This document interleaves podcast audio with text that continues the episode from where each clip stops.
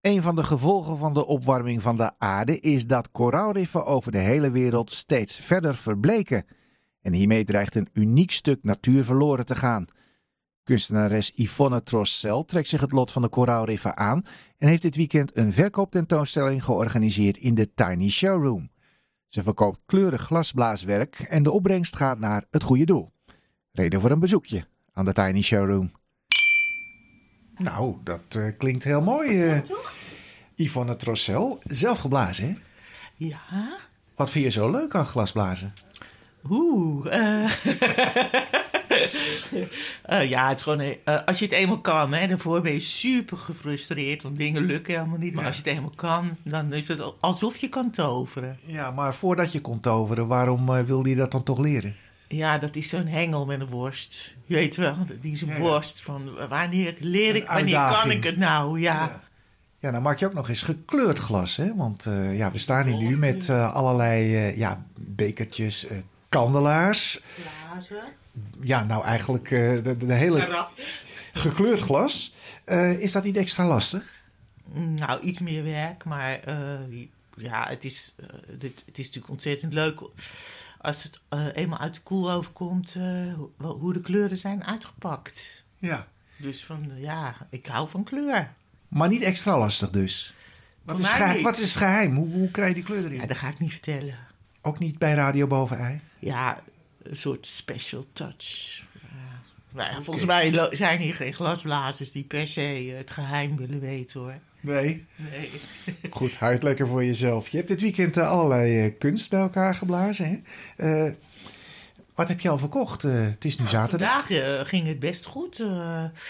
allemaal ontzettend leuke vrouwen die langskwamen, die Simon ook kent, omdat het een buurt ja, Simon is de eigenaar, de baas hier van de Tiny Showroom. We gaan zo meteen naar hem ja. toe. Maar allemaal leuke vrouwen die dus ja, leuke dingen hebben gekocht. En die het ook heel erg fijn vinden dat het RIF uh, geholpen wordt natuurlijk. Het koraalrif. Want daar doe je het voor, hè? Ja, het is voor het, uh, alle opbrengst gaan naar het koraalrif. Dus echt, uh, je verdient hier helemaal niks aan. Zelfs de kostprijs krijg je niet vergoed. Nou, ja, dat vind ik wel een beetje lastig. Maar ik denk dat het, nou, misschien een paar procent is wat ik dan. Uh, anders kan ik niet blijven glasblazen. Nee, precies. Dat is ook belangrijk. Ja. En vind je het dan niet moeilijk om uh, ja, al, die, al het moois dat je daar maakt? Ieder ding is toch weer een project, is een beetje van jou. Om dat dan zomaar eventjes aan iemand mee te geven in de hoop dat hij het niet uit zijn of haar handen laat vallen. Nee, helemaal niet. Nee. Je hebt daar hele goede. Uh, en het is helemaal niet uh, heel breekbaar of zo. Ik kan wel tegen je stootje. Het, is Ja. meer, het ziet er breekbaar uit, maar het is het niet. En dat goede doel waar je het net over had, uh, Ja. die koraalriffen, waarom uh, heb je dat speciaal gekozen? Eh, nou, dat is altijd een. eh, ja, ik heb altijd heel veel inspiratie eruit gehaald. Dus dan ben je toch een beetje schatplichtig, lijkt mij. Ben je dan ook zelf vaak bij die riffen geweest? Nee, maar ik heb heel veel in het aquarium in Artis getekend. Bij het koraalrif vooral. want Die, daar zijn de mooiste vissen. Ze en ze zijn ontzettend leuk, die vissen. Ik zweer het je. Ja. Maar goed, nou wil je dus dat die uh, koraalriffen, ja, die worden steeds bleker. Dat wil je stoppen. Maar dat is dan toch het gevolg van uh, de opwarming van de aarde. Die kun je dan toch niet uh, specifiek voor de koraalriffen tegenhouden?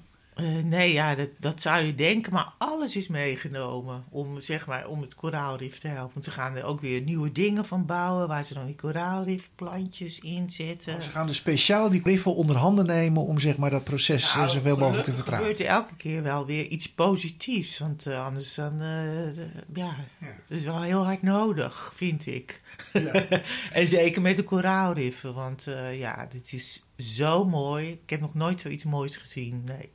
Hey, gaan we even naar uh, Simon de Boer, de baas van de Tiny Showroom. Nou, je kan al hier horen aan het geluid dat het inderdaad heel erg tiny is. Uh, voor mensen die hier nog nooit geweest zijn, kun je iets vertellen over de Tiny Showroom? Ja, nou, het is een heel klein gebouwtje. Uh, echt heel klein. Het is nog net geen vijf vierkante meter. Ja, en het staat dus uh, in de Mandarijnenstraat in Tutti-Frutti-dorp. En uh, ja, al mijn buren hebben een, uh, een, schuur, zeg maar, in de tuin staan. En ik heb Tiny Showroom in de tuin staan. En daar organiseer ik dus tentoonstellingen van verschillende makers. Nu is Yvonne met glas, maar het kunnen ook schilderijen zijn of, of keramiek of nou ja, van, van alles nog wat. vaak ook mensen uit de buurt, maar dat hoeft niet per se. Ja. Nou doe je dit ook allemaal gratis en voor niks, hè? Ja, ook allemaal liefdewerk, oud papier. Ja. Hoe kom je erbij om deze tentoonstelling nu in jouw tiny showroom te gaan huisvesten? Nou, ik zou, het is heel bijzonder hoe ik Yvonne uh, heb ontdekt. Uh, ontdekt zelfs? Nou ja, of heb leren kennen. Uh, want ja, ik heb een hond en ik woonde vroeger in de Jordaan. Dan ging ik altijd in het Rembrandtpark lopen. En Yvonne heeft ook een hond. Dus zo, en toen ja, hadden we elkaar een paar keer gesproken. Toen dacht ik, nou, dat is een bijzonder mens. dus op een gegeven moment vroeg ik aan van, wat doe je? Nou ja, zo is dat gekomen.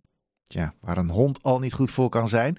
Uh, de expositie opent zometeen om 1 uur en duurt tot 4 uur. De Tiny Showroom kun je vinden aan de Mandarijnenstraat 78. En met een beetje geluk klop je daar dan ook op tegen de hond van Simon, want je weet maar nooit.